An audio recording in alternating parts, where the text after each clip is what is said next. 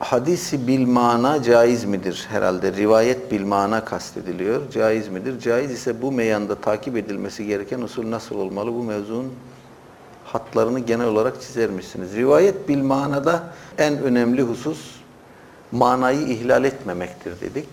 Manayı ihlal etmediğimiz sürece hadisin mana ile rivayeti caizdir.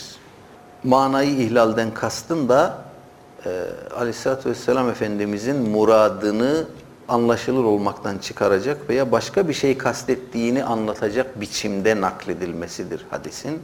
Ravi hadisi naklederken kendi anladığı biçimde nakletmeyecek. Aleyhisselatü Vesselam Efendimizin maksadını iyi anlayacak.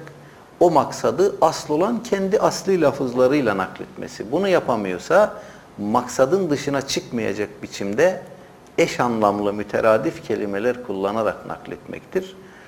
Ee, en önemli e, şeyi budur. Ee, sınırı budur. Bilhassa itikadi ve fıkhi rivayetlerde bu daha bir önem kesbeder. Çünkü e, hadisin değişik lafızlarla nakledilmesi sebebiyle vuku bulmuş pek çok fıkhi ihtilaf vardır.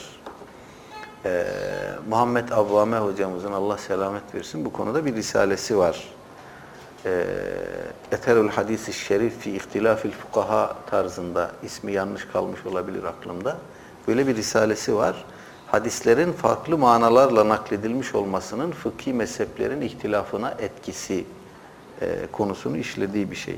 İtikatta bu tamamen e, hassaslaşıyor. Mesele tamamen gerçekten e, ciddiyet kazanıyor.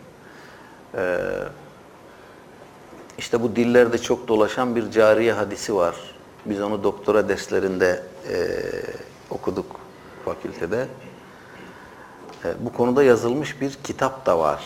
Cariye hadisi üzerine. İlgi, bu hadisin bütün tariklerini, rivayet yollarını, bütün metinlerini toplamış müellif. Evet bakıyorsunuz ki açık bir şekilde bu hadis manayla nakledilmiş. Aleyhisselatü Vesselam Efendimiz cariyeye Allah nerededir diye sormamış. Rabbin kim diye sormuş. Ama o kadar değişik manalarla nakledilmiş ki bu Buhari'de, Müslim'de var. O zaman hadis böyledir noktasına gelmiş. Ve buradan da acayip garayip istimbatlar çıkmış.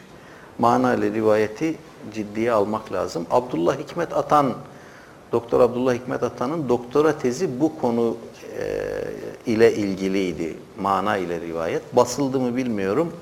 Basılması gereken kitaplardan, çalışmalardan birisi.